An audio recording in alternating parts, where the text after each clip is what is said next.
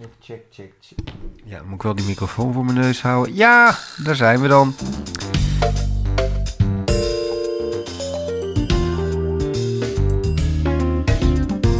Ja, dames en heren, even bellen met Nico. Aflevering 2. Eh, we hebben nog niet eens koffie gedronken. We hebben niet eens voorgesteld. Mijn naam is Geert Kloppenburg. Welkom bij de Metropolitan Mobility Podcast. We gaan uh, in gesprek 2 um, weer over prijsprikkels en uh, alles wat te maken heeft met prijzen rond mobiliteit. Gaan we in gesprek met Nico van Paridon. Nico Beler. Ja, ik ben er zeker, Geert.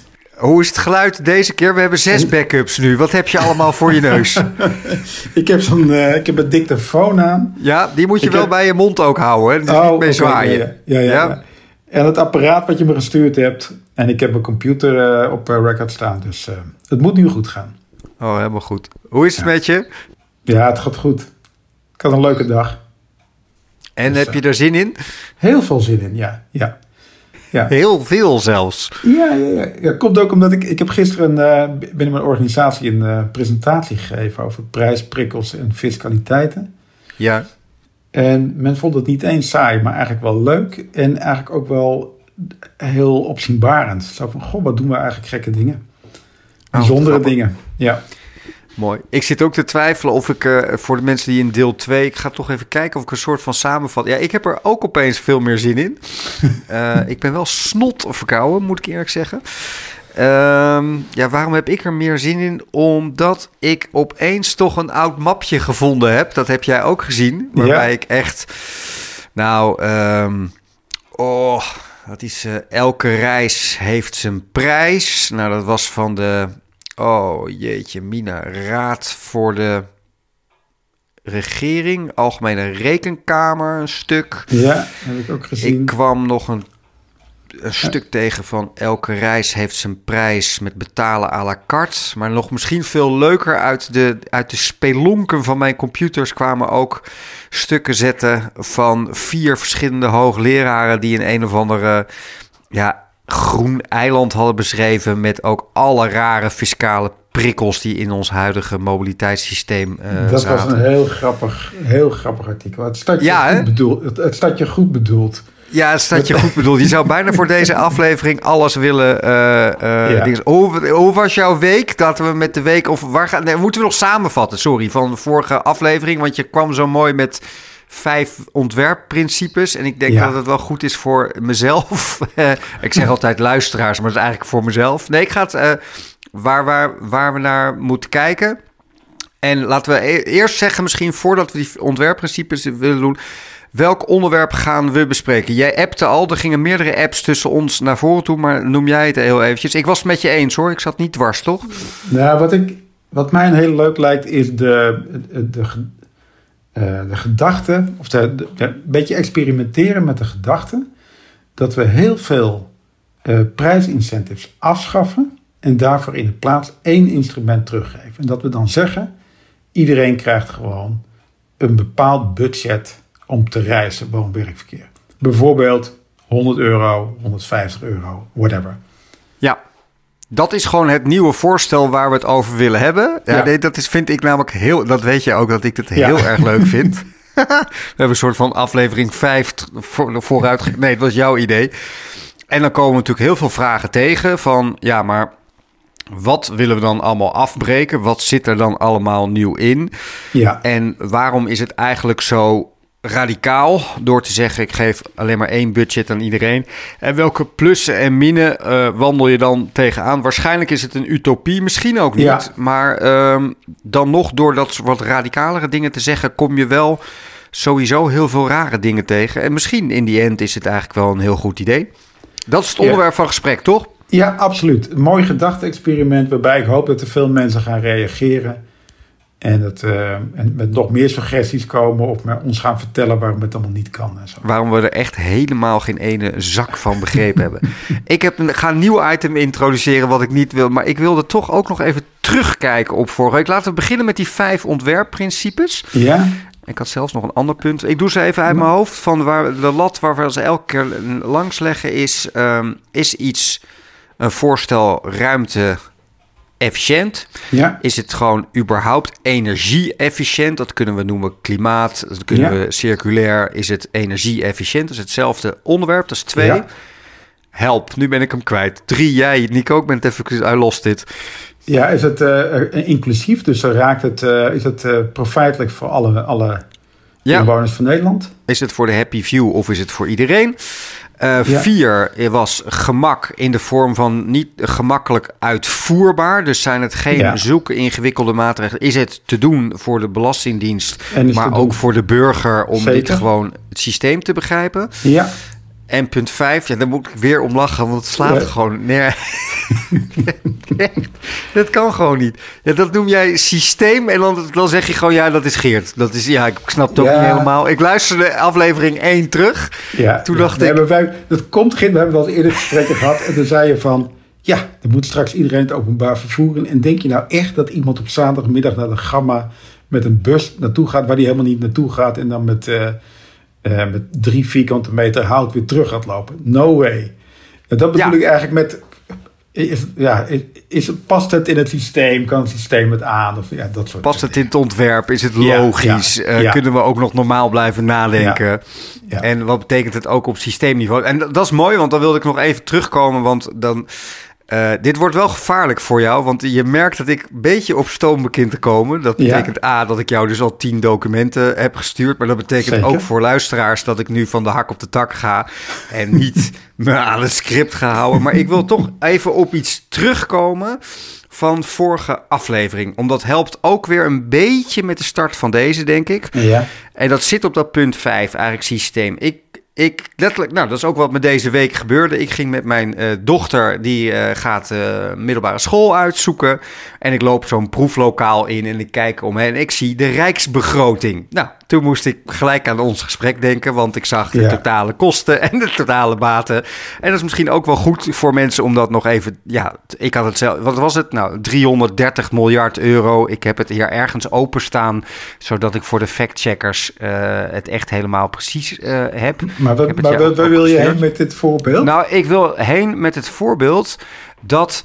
ehm, maar ja, mooi, want je maakt, maak je al zorgen van gaan we nu echt helemaal off the shelf? Nee, het valt wel mee. Maar ik zei tegen jou, maatschappelijke kosten van verkeersveiligheid zijn tussen de Ja. 18 en 24 miljard euro. Ik eindigde de deel 1 in de uitzending met eh ultrafijnstof en het effect op gezondheid eh, is ook gigantisch. Maar als we alleen even op die stomme verkeersveiligheid blijven, dus ik doe Zeker. geluid niet, dan zat ik me te bedenken dat ik dacht, oké, verkeersdoden is per dode schijnt het 1 miljoen euro schade te zijn, maar even nog, nou, dat is even heel hard en cru wat ik nu zeg, maar dood is dood, Eh, dramatisch. Maar wat ik interessanter vond, is dat je 20 tot 25.000 zwaar gewonden had. En toen dacht ik, wacht even, die gaan natuurlijk wel even gewoon systeem, even normaal, worden met de ambulances opgehaald, gaan zwaar in de zorg, hebben mega veel belast, mega veel behandelingen nodig. Ja. En dan zie je in die totale kostenpost van het Rijk is 100 miljard euro inmiddels voor de zorg. Er staat natuurlijk heel veel langdradige zorg. Maar ik denk dan bij mezelf, waar staat die 10 miljard euro dan van verkeersveiligheid? En ik heb het vaak tegen jou over een rietje kijken naar begrotingen en economie. En ik vond het zo tastbaar naar aanleiding van vorige Ja. week... dat ik het dus zag en dat ik dacht... ja, dat ga ik Nico toch lekker even melden in het begin. Nou, nee, maar dit is, dit is exact de reden van criterium 5. En daarom heb ik het ook de Geert-criterium genoemd. Jij brengt dit soort, dit soort systeem. Snap je wel dat wij een systeem hebben wat aan de ene kant eh, eh, eh, zwaar gesubsidieerd wordt, of wat, wat belachelijk veel kosten met zich meebrengt vanwege verkeersdoden en, en ongevallen. Dit Maar ik vond het zo tastbaar, zeg maar. Dus, Ja. dus de kostencomponent op zorg. En dan zie je daar 100 miljard euro staan. En ik weet dat verkeersveiligheid circa nou, 20.000 zwaar gewonden. Dat is ergens tussen de 6 en 10 miljard euro. Maar niemand... Ik Nee. moest aan mijn dochter ook uitleggen. Ik zei, dat komt dus daaruit. Ja. Oh, Ja. en die effecten vraag ik mij zo af... terwijl we over fiscaliteit zitten praten... of we die ook door... Even, hoe Nee, maar dat is, eh, eh, we- ik vind eh, eh, criterium 5 is een beetje, dat is een beetje onze rommelcriterium. en daar gaan, ik vind dat we daarin dit soort dingen mee moeten nemen. Oké, fijn dat het weer mag. Hoe was jouw uh, week? Want jij hebt die presentatie gehouden voordat we in het onderwerp. Is er één ding wat jou weer deze week opviel? Um, nee, maar in die presentatie gaf ik een voorbeeld. En toen kon ik aan de non-verbale taal zien van, de, van die 40 man die voor mij zat.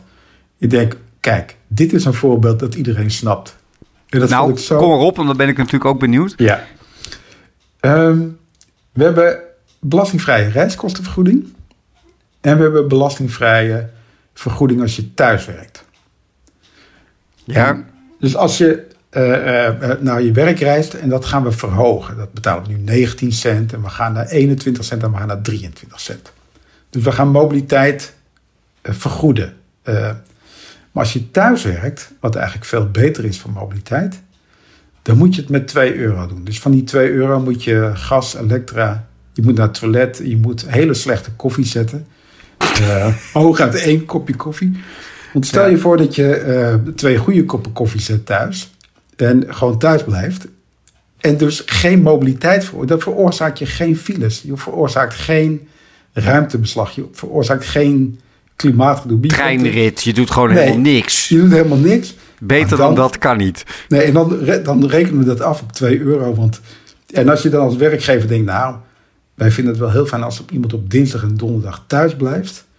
Die gaan we dan een tientje geven. Ja, dan moet je 8 euro bij je loonbelasting tellen. Weet je, dit, zo zit het nu in elkaar. En toen ik dat voorbeeld gaf, toen zag ik echt iedereen kijken van, huh? oh ja, wat gek eigenlijk dat we dat doen. Ja, mooi, want deze, dit vind ik ook heel leuk aan jou. Want ik wilde alweer gaan gillen. Je zit door een rietje te kijken en ik zit in belastingvrij. Maar dit is zo tastbaar dat ook ik weer niet wist dat werkgevers nu twee... En ik wist vooral niet hoe die vergoeding is. Ja. Maar daar komen we meteen aan bij het onderwerp, zeg maar...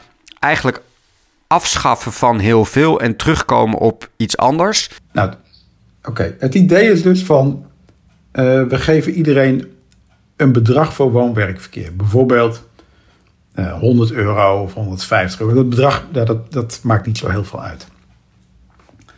En dan schaffen we allerlei dingen af. Dus we schaffen uh, de, de lease-regeling af. We schaffen de studenten-OV-kaart af.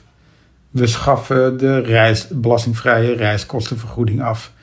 We schaffen gewoon heel veel dingen af. Misschien zijn er al een paar voor de dingen die we allemaal af kunnen schaffen. Het zijn wel drie gigantische dingen die je zegt. Dus die tweede vind ik helemaal leuk dat jij als OV-vervoersregio zegt. dat schaffen we dus ook. De OV-jaarkaarten schaffen we eh, in de fiscale regelingen gewoon af. Ja, als je, volgens mij als je het doet, dan moet je het over de hele linie doen. Ja, nou, en wat krijg je dan? Stel nou. Ehm, Mag ik iets verder gaan? Want deze drie, dus je hebt de leaseregeling al, is niet meer zakelijk. Er is geen werkkostenregeling meer. Dus een van de belangrijkste dingen die ik even wil uit mijn ervaring wil toevoegen is. Uh, je hebt natuurlijk je leaseauto, dat weet de, de meeste, nou twee derde van de mensen heeft gewone autovergoeding, 19 cent per kilometer. Die schaf jij daar ook gewoon doodleuk af. Ja. Ehm, maar ik wilde even ingaan op waarom die leaseregeling zo hoog is, uh, groot is, wat je zegt. En ook die overjaarkaarten. Misschien kan jij dat nog beter toelichten dan ik denk. Maar laat ik even de lease richten. Uh, ja. Omdat dat betekent, dat is een van de belangrijkste secundaire arbeidsvoorwaarden die er is. Doordat die in die werkkostenregeling bepaalt, betekent het voor de werkgever dat hij over dat stuk geen premies hoeft te betalen. Geen uh, loonsverhoging. Dus dat vindt hij, de werkgever, fantastisch. Want die geeft gewoon een brok met geld voor uh, vervoer. En daar wordt hij voor de rest worden dat gewoon kosten. Terwijl als dat loon is, dan wordt het voor de werkgever heel en heel anders. Terwijl op en voor de werknemer wordt het waarschijnlijk ook duurder. Maar het belangrijkste is dat het een van de grootste regelingen is die nu in de bedrijfs structuur geplast die zo ongelooflijk voordelig is. Werkelijk op alle mogelijke manieren ten faveur van auto's, werknemer en werkgever. Dat het niet verwonderlijk is dat de leasemaatschappijen uh, hier zeer, zeer, zeer enthousiast over zijn. Dat zelfs met de bijtellingsregelingen en je kijkt naar de huidige energielasten, ja, is het zo fiscaal voor de staat in ieder geval zo'n nadelige regeling. Dat is echt onbeschrijfelijk zelfs. ondanks zeg maar bijtelling wat je binnenkrijgt voor privégebruik, wat eenmalig is. En tuurlijk krijgt de staat ook Nou, iets binnen niet- op accijnzen. Maar het komt wel jaarlijks terug, hè? Ja, het komt jaarlijks terug, Ja. maar dan nog steeds is het... Dus in de structuur is die A moeilijk uit te voeren, zoals het nu gaat. Het geeft heel veel perverse prikkels met bijtellingen en niet-bijtellingen. En het is als je alles doorrekent... Dus wat jij zegt is zo ridicuul, eh, ridicuul eh, eh, radicaal... Ja. dat ehm, ja, het kost de staat zo onge... Het is misschien de raarste vergelijking die ik een keer had... is die fiets die ooit uit die werkkostenregeling... dus de fiets was vroeger hetzelfde als een leaseauto. Toen is hij eruit gehaald. Dus toen moest je opeens voor je fiets gewoon gaan betalen als werknemer... en kreeg je een vergoeding. Ja. Dat was mega nadelig. En dat zit nu weer terug in diezelfde leaseregeling. Wat het leasen van een fiets of het kopen van een fiets op de zaak... voor werkgever en werknemer waanzinnig aantrekkelijk maakt. Ja. Eh, Maar het eigenlijk voor de staat en voor het collectief helemaal niet is. Ja, maar ik, ik gaf ehm, gisteren het voorbeeld van... ehm, stel nou dat je een auto leest van 50.000 euro. Dan moet je 22% bij tellen bij je salaris. Je betaalt bijvoorbeeld 40% belasting. Dan kom je ongeveer op 350 euro per maand. En daarvoor heb je een nieuwe auto. Dan heb je dus je afschrijvingen. Je hebt je verzekering. Je hebt je wegenbelasting. Je hebt je onderhoud. En je hebt eh, benzine of diesel. En dat laatste geeft eigenlijk een onbeperkt reisrecht. Je kan, eh, het is ongelimiteerd bijna reizen. Eh, en het is ongedifferentieerd. Het is ongedifferentieerd en onbeperkt. Want of je Ja. nou 10.000 rijdt of 20 of 50.000, dat maakt niet meer uit. Dat kan allemaal omdat je het één, één, één bedrag afkoopt. En Dus dat is voor wel- de werknemer ongelooflijk relaxed. Want die leent die auto uit aan zijn vrouw en aan zijn kinderen. En die rijdt daar unlimité. En ze gaan ook allemaal bij het laatste tankstation in Breda... gaan ze Ja. tanken op kosten van de baas. En dan Ja. is de andere redenering... ja, maar zou de baas, de werkgever, niet eens een keer ingrijpen?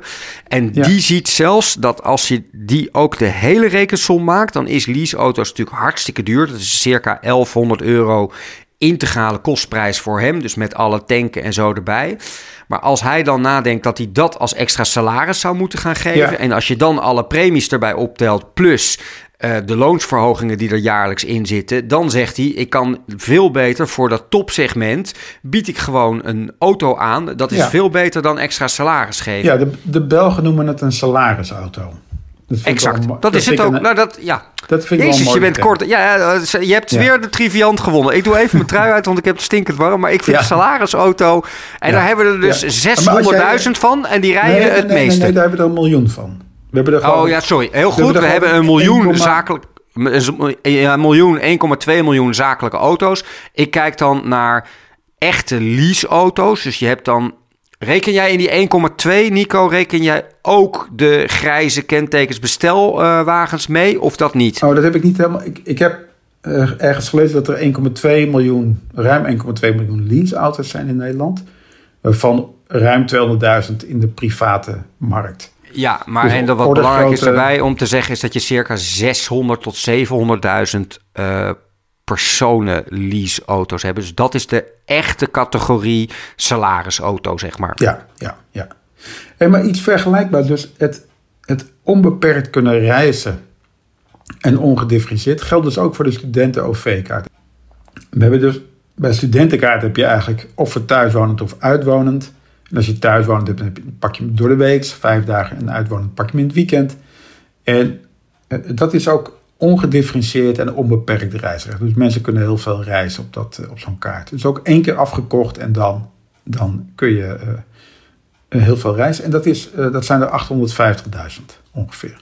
Ja, dat is ook niet gedifferentieerd naar tijd en plaats. Dus als Nee. je nou nog eens een keer je criteria afloopt, zegt is het ruimte-efficiënt? Ja, waarschijnlijk wel. Is het energie-efficiënt?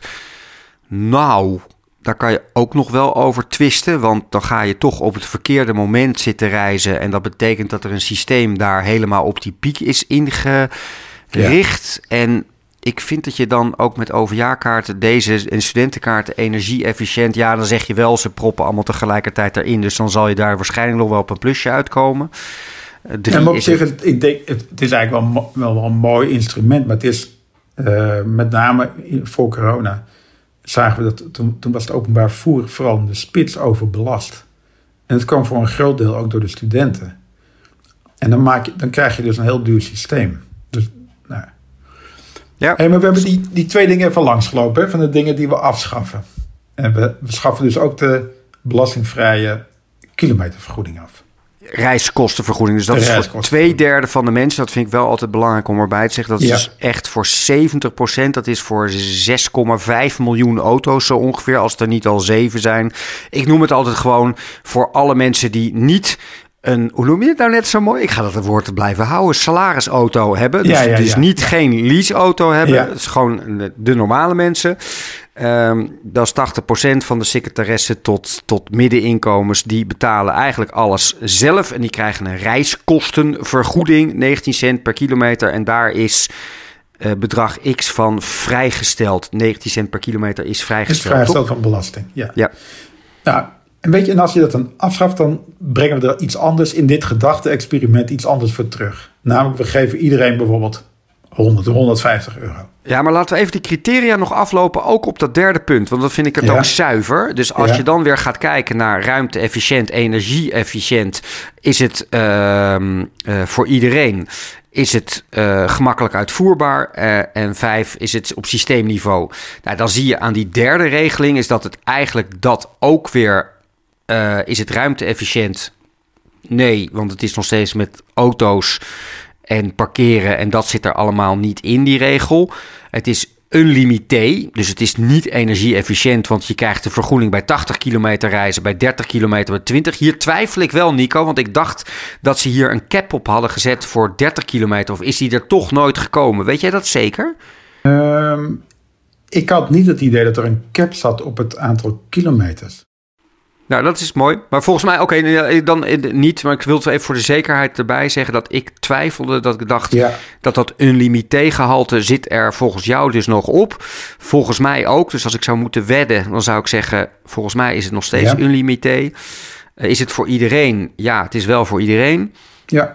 Um, is het op systeemniveau handig? Nee, helemaal niet. Want het, het, is, het stimuleert dus volledig niet nabijheid. Het stimuleert vooral verreizen, lang reizen. Is het gemakkelijk hanteerbaar? Antwoord is denk ik wel ja. Het is vrij eenvoudig. Misschien stimuleert het niet zozeer, maar het, het faciliteert verreizen. Je kunt, uh, je kunt een baan zoeken op 50 kilometer afstand. Ja, maar, maar wat je dus wil is dat mensen dichter bij hun werk gaan wonen. Als dat kan, uh, ja, Als dat kan, maar dan krijg je natuurlijk altijd de discussie weer over de woningmarkt. van ja, maar er is geen huis en het is te duur. Ja. Um, maar dan kan je in ieder geval... Nu is het zo raar ingericht dat... Ik noem het altijd dat de, de autoreis van Den Helder tot en met Middelburg... zo ongeveer unlimité gesubsidieerd. Dus laten we in ieder geval gaan op die derde dat gaan cappen. Dat lijkt me wel heel logisch. Ja, ja. Ja, omdat je een soort en misschien met een, eh, een lange uh, implementatie, maar een soort prikkel inbouwen om het, om het een andere draai te geven, een andere stimulans te geven. Ja. Je idee is eigenlijk, geef iedereen, um, nou laten we het naar mij toe houden, geef mij 100 euro per maand. Of ja. thuiswerk, niet Zal thuiswerk. Kom maar door. Sorry, ik zit door je heen te Nico, kom maar. Ja, ik vind het wel aardig om uh, de, de, voordelen van het systeem te noemen.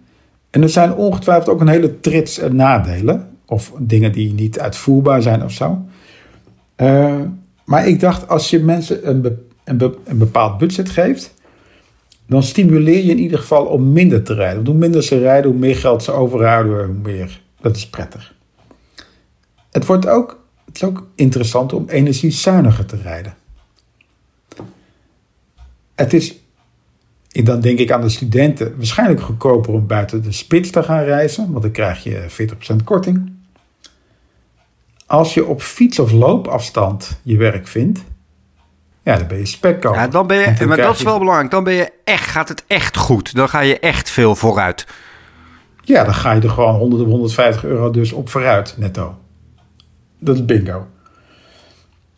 Dus de tendens zal zijn op termijn, en daarom moet je het ook een beetje met de periode dat mensen dichter bij hun werk willen gaan wonen. Uh, ja. En minder reizen. Ik denk dat, Ja, ik denk dat thuiswerken uh, interessanter wordt. Ik denk dat zelfs het uh, vervoerde carpoolen, wie wilde, wie wilde carpoolen, maar ik denk dat zelfs carpoolen interessant wordt. als je dat goed doet, dan hou je gewoon geld over. Ja. En er is geen onderscheid tussen de koffergooier op Schiphol en de CEO van, de, nou ja, noem eens een groot bedrijf. Voor het hele systeem, hè? dat is namelijk, dat vergeet jij dan er even bij te zeggen, maar jij, jij doet zoiets groots, je maakt het hele systeem voor iedereen gelijk. Ja, ja. Ja, dat is wat je bedoelt met de CEO krijgt geen uh, voordelen meer wegens een leaseauto. Of die nou benzine is of Tesla is of weet ik veel wat. Daar zijn we allemaal mee gestopt. Het is gewoon één budget. Klaar is Kees. Ja. En als hij waanzinnig veel gaat rijden, uh, prima, dan betaalt hij ook gewoon veel meer. Maar wordt er in ieder geval niet meer fiscaal toe gestimuleerd binnen het systeem om dat te doen. Maar heeft hij dan nog wel, want ik snap dit, want je hebt het gewoon gekapt tot 100 euro. Maar dan is denk ik de vraag die misschien nog dienen van, bestaat de accijns dan nog? Ja dan de nee op brandstoffen? Of is het, heb je het alleen maar tot het fiscale rompslomp daar allemaal? Of was je nog niet zo ver gegaan? Nee, ik ben dan niet zo ver gegaan, omdat ik... Ehm, er zijn eigenlijk verschillende uitbreidingsmogelijkheden. Nou, accijnsverlaging zou bijvoorbeeld een, een mogelijkheid kunnen zijn. Accijnsverlaging zou kunnen, maar dan, dan, dat begrijpt dan echt niemand, omdat je zoveel uit het systeem haalt dat begrijpen de mensen dus niet hoe groot dat is. Dus daarom vind ik, het, vind ik hem ook zo mooi. Dat je dus dat kwartje van kok misschien naar 15 cent. En dan denkt iedereen: oh god, dan, uh, dan gaat iedereen helemaal tetteren. En dan zal het wel helemaal. Dus je houdt het verschil tussen brandstof en elektrisch. Zal je misschien wel daar nog inhouden. Maar het is zo groot dat je zelfs misschien iets aan die accijns zou kunnen doen. Maar wat ook zou kunnen, Git, is dat je. Want dit is eigenlijk vooral gericht op de werkende mens. En stelt nou dat dit belastingtechnisch voor de staat gunstig is, deze hele operatie. wat jij net zei, van wat lease kost ook heel veel. Maar stel dat het gunstig is voor de staat. Dan zou je ook kunnen zeggen, nou ja, dan gaan we bijvoorbeeld ook mensen met een uitkering 100 eh, euro uh, reisbudget geven. Nou, dat vind ik namelijk nog veel beter eraan, want je gaat hiermee ook zorgen dat je dus niet het alleen maar zakelijk gerelateerd is, maar dat je het gewoon zegt, het is voor iedereen. Dus ook voor weekend, avond, weet ik veel wat. Ook als je vrijwilligerswerk doet, ook als je werkloos bent, uh, dan krijg je ook die mogelijkheid om, naar, uh, uh, om te kunnen gaan solliciteren. En allemaal is het gewoon voor iedereen, heb je dat budget om fiscaal vrij te kunnen. Dan heb je ook, uitvoerbaarheid is zo simpel geworden, omdat je gewoon één ding hebt. Weet je waarom het mij zo aanspreekt? Omdat de hele lease-regeling in Amerika bestaat dat gewoon helemaal niet. Dat is gewoon nog niks. Nee. Lease-regeling van de zaak, donderop. Regel lekker je eigen ding. Dag. Krijg gewoon salaris en daarmee is het klaar. Maar dan, en je koopt zelf maar een dure auto of niet een dure auto. Maar dat hele principe kennen ze niet zozeer daar. Dat viel mij toen al op. En ik vind dit in jouw voorstel is het gelijk trekken. Dus, het, dus als je je criteria afloopt van is het ruimte efficiënt? ja, want je gaat eerder dichter bij werk uh, wonen. Zit energie-efficiënt. Je haalt de unlimitair ja. gewoon uit. Dus die is en je bevordert allemaal andere dingen als lopen, fietsen, samenreizen. Uh, logisch. Thuiswerken. Uh, thuiswerken, dankjewel. Dat was wel vergeten. um, dat is ook vrij ruimte-efficiënt trouwens. ja. Punt drie was. Ik ben drie de hele tijd kwijt. Wat was drie? Ja, 1 en 2 was ruimte en, uh, en energie-efficiënt. 3 was uh, gelijkelijk verdeeld. Nou, voor iedereen, dus, uh, nou, dat hebben we al uitgebreid beargumenteerd. Punt 4 ja. is het gemakkelijk uitvoerbaar. Het is honderd keer simpeler dan alle regels die we nu bij elkaar hebben. We laten wel even iets dieper op ingaan. Ja. Halve fiscalistenbureaus, maar vooral de administratieve rompslop die dit geeft tussen werkgevers en werknemers in de uitvoering. Uh, het glazer over Oh, nou ja, het zit in dat hele systeem doordrenkt werkelijk. Van, ja, ja, probeer je salarisstrook maar te begrijpen. Ja, je krijgt, er wel, je krijgt wel op een paar plekken administratieve lasten erbij. Want het is nu eigenlijk gericht op woon-werk. Dus als mensen zakelijk reizen, dan moeten ze weer declareren. Ja, maar ik vind nu heb je alleen maar dat gezeik rond wat is zakelijk en wat is niet zakelijk. Je hebt ook het hele gehannes rond ZZP, niet ZZP, werkgever, werknemer. Je zegt nu gewoon, iedereen krijgt gewoon 100 euro. Het maakt me helemaal geen donder uit wie of wat of waar je ook doet. Je krijgt 100 euro fiscaal vrij. Maakt me gewoon geen ene sodemieter uit wat je doet. Klaar. Het is gewoon helemaal duidelijk dan. Dan heb je al die verschillende regels die er golden, heb je niet meer. Nee, nee. En dat zijn er echt zoveel. Ja. Nee, maar even dat stukje was. Ik heb jou nog een stukje gestuurd, zal ik ook voor de mensen in de show notes. Is dat er dus. Je ziet dat ZZP'ers door de fiscale regeling. dan zie je dus dat er zoveel extra leaseauto's zijn gekomen, omdat er veel extra ZZP'ers zijn gekomen. En die ZZP'ers weten natuurlijk donders goed dat ze die auto eigenlijk naar de zaak toe halen. Doen ze die privébijtelling daarbij? Worden het kostenstructuren? Die kunnen ze aftrekken van uh, in hun bedrijfskosten. Dus, en dat maken ze dan allemaal zakelijk. Dat is totaal andere koek dan dat ze uh, ooit in de privésector 100 euro per tank moesten betalen. Dus je ziet zoveel verschijnselen komen richting mobiliteit die je eigenlijk zeker niet in en om de stad wil hebben.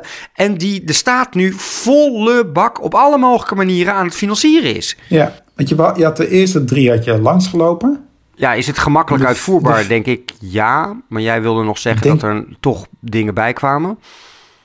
Ja, ik denk dat op andere plekken misschien wel wat, wat administratieve last bij komt. Maar dat haalt het volgens mij niet bij wat je weghaalt. Nee, dat gevoel heb ik dus ook. Een punt 5 is het op systeemniveau. Um, ja, en dat is dat reëel? Ja, dat denk ik wel. Ik zit wel, maar dan kom ik eigenlijk meteen met de nadelen voor. Wacht even, voor de nadelen zijn natuurlijk weer die Beste luisteraars, Geert die zit ondertussen op zijn laptop. Ja, nee, heel goed. Heel goed. Ik zit namelijk naar de nadelen te zoeken die evident zijn. En die noemde ik net al een beetje, maar die kan je op een andere manier ondervangen. Ik uh, kom... Ja, dat, dat, deed ik net al met die bouw vakkers die naar onmogelijke plekken moeten om vijf uur en om zeven uur s ochtends, waar het hele OV helemaal geen alternatief is. Die volledig aangewezen zijn op het autosysteem. Die niet zo heel makkelijk op een ander moment kunnen. En die ook wel wat langer moeten reizen. En wat ook echt wel zakelijk is. Ehm, ja. daar zit je soms met, en zeker met categorieën van mensen die aan de onderkant van de samenleving zitten. Het lijkt wel of ik het elke aflevering terug laat komen, dit. Um, nou, daarvoor wordt eigenlijk wel gezegd, los dat dan op via de inkomens, uh, geeft gewoon meer loon. Om het op die manier te organiseren. Dus daar zitten bepaalde groepen in, die zijn niet mega groot. Maar nu zit je eigenlijk inkomensbeleid te doen via mobiliteit. En is zwaar gesubsidieerd via het huidige systeem, wat volledig tegen zichzelf inwerkt met die lappendeken. En wat nog vooral ten goede komt van de rijke mensen ja. Ehm, dus... ja en, en, een andere manier van vertalen is dat we eigenlijk... We hebben een systeem ingericht om mobiliteit mogelijk te maken. En op het moment dat je naar een vast budget gaat... heb je eigenlijk een stimulans naar bereikbaarheid. Ja, absoluut. Maar, maar ik zit, ik vind, jij zei op systeem... Nee, dat, vind ik, dat vind ik waanzinnig goed. Dus dan heb je het echt over... Maar ik zit, ik zit dus zelf nog te stoeien. Hoe kunnen we tot een... Ik denk dat het een hele goede oplossing is. Want alles gaat over versimpelen. Ehm, en je raakt altijd mensen met versimpelen. Ik zit dus na te denken over hoe je voor die groepen um, via de inkomenskant iets zou kunnen doen wat eigenlijk net zo simpel is. Die oplossing heb ik niet gelijk. Uh, ik denk dat er nu heel veel plussen vallen bij het sowieso van rijk naar arm halen en, en meer level playing field. sorry, ik vraag het gewoon even open aan jou. Zie jij een oplossing daar dan voor die categorie? Of was je ook nog niet voorbereid op deze vraag? Voor de, de busjes, uh, de klussende Ja, de klussende, busjes en die echt wel wat verder moeten en die over die 100 euro heen gaan. Dat zijn er dus niet, dat, is, dat zijn de monteurs, dat zijn dat zijn de mensen die echt bedrijven. Dat is niet de salarisauto van de leasebak. En de, dat is een totaal andere. In die 1,2 miljoen zitten sommige mensen die echt niet anders kunnen. De verpleegkundige is de klassieker, weet je wel. Mijn vrouw letterlijk, ja, die moet van, uh, van patiënt naar patiënt. Die rijdt om drie uur s'nachts, vijf uur s'nachts. Nou, die, die zou jij, als, die dat, als jij dit zegt, die zegt: Nico, ben je helemaal gek geworden? Kom maar graag hier opnemen volgende keer. En dan zal ik je laten zien dat ik al A, geen donder verdien. Mijn reiskostenvergoeding is al dramatisch. En jij kept mij op 100 kilometer. Nou, die komt met echt pek en veren komt hij opzoeken. Eigenlijk geef jij voorbeelden van waar de woon-werkverkeer niet naar een vaste plek is, hè? ook allemaal. Naar bouwplaatsen, naar uh, kriskrasbewegingen. Ja, mensen, kriskrasbewegingen allemaal, ja. ja. Alles waar het OV het sowieso niet doet, ook op die tijdstippen doet het het niet. Ehm, ja, en waar het gewoon bijna niet kan. Waarbij je wel veel weer met, soms met de fiets kan oplossen. Maar voor dit type werk. En laag betaald. Dat vind ik een enorme factor. Dus dan moeten we of aan de inkomenskant iets doen. Dus dat zij gewoon aan het rijden is. En dat ze dan gewoon meer betaald krijgt. En die bewuste koffer gooien die niet naar Schiphol kan komen voor 100 euro per maand. Als dat echt niet kan, dan, moet daar dan gewoon... maken we hem wel weer ingewikkelder, hè? Ja, maar volgens mij moet er gewoon via de inkomenskant dan gewoon meer salaris voorkomen. Dus dan moet iemand zeggen van ik wil jou hebben. En jij moet vanuit Almere naar Schiphol toe komen. Allemaal prima, maar er wordt niet meer fiscaal voor uh, bijgelegd. Dan moet de werkgever gewoon extra geld betalen om het mogelijk te maken. Maar er hoeft niet de staat voor die dingen dat allemaal nog fiscaal te gaan doen. Dan moet er gewoon... Dan kost dat tussen werkgever, de werkgever gewoon meer. Ja, en begin, dat zou ook wel heel gek zijn, geweest zijn als we een systeem hadden bedacht waar gewoon helemaal geen nadelen aan zouden zitten. Nee, dat zou idioot, dat zou ook krankzinnig zijn. nee, dat klopt. Even. Hadden we te lang, hadden we te lang ingevoerd. Nou ja, als je nog alle, ja, als je de versimpeling op alle drie de niveaus, je breekt zo ongelooflijk veel af. Dat is echt.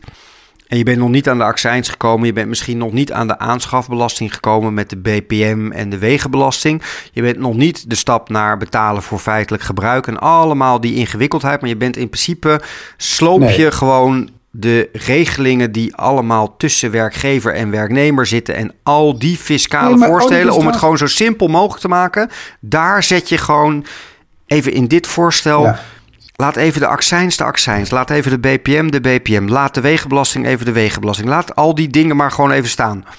Ja. En wat vond je ervan, aflevering 2? Ja, heel erg leuk weer. Ik ook. Ik, merk ook dat ik erin begin te komen. nou, goed zo. Ik zou zeggen, uh, luisteraars, dank voor het luisteren. Je kan een mailtje sturen naar geert.geertkloppenburg.nl. Uh, stuur dat vooral op. Uh, Nico, dank voor het inbellen. We hopen dat je geluid dit keer beter is via of dictafoon of gewoon. We zeggen tegen iedereen ciao en dank voor het luisteren. Adios!